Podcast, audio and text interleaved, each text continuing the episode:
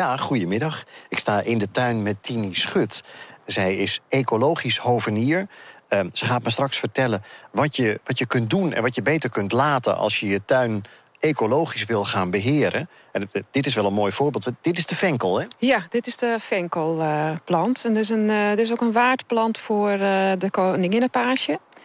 Die, uh, de mooie vlinders zijn. Ja, dat is een hele mooie vlinder. Die, zijn, die komen niet overal in Nederland voor.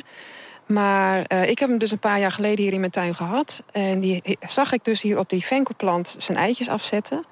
En een aantal weken later had ik hier twaalf prachtige rupsen in mijn venkelplant. Nou, ik, ik ging elke dag kijken of ze er nog waren.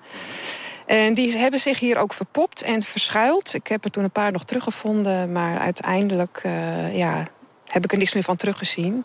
Nog wel een keer een koninginnenpaasje, de vlinder die hier rondfladderde.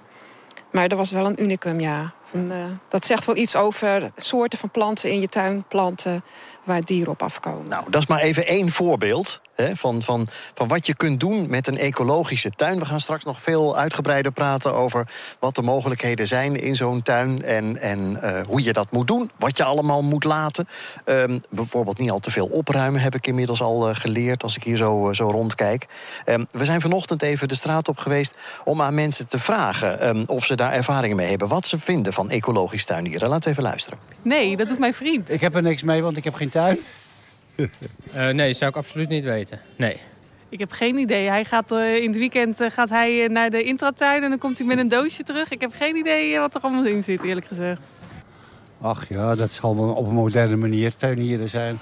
Dat ecologisch goed voor het milieu is of zo. Maar ik, volgens mij gebruiken we ook helemaal geen bestrijdingsmiddelen. We hebben twee kleine kinderen, dus...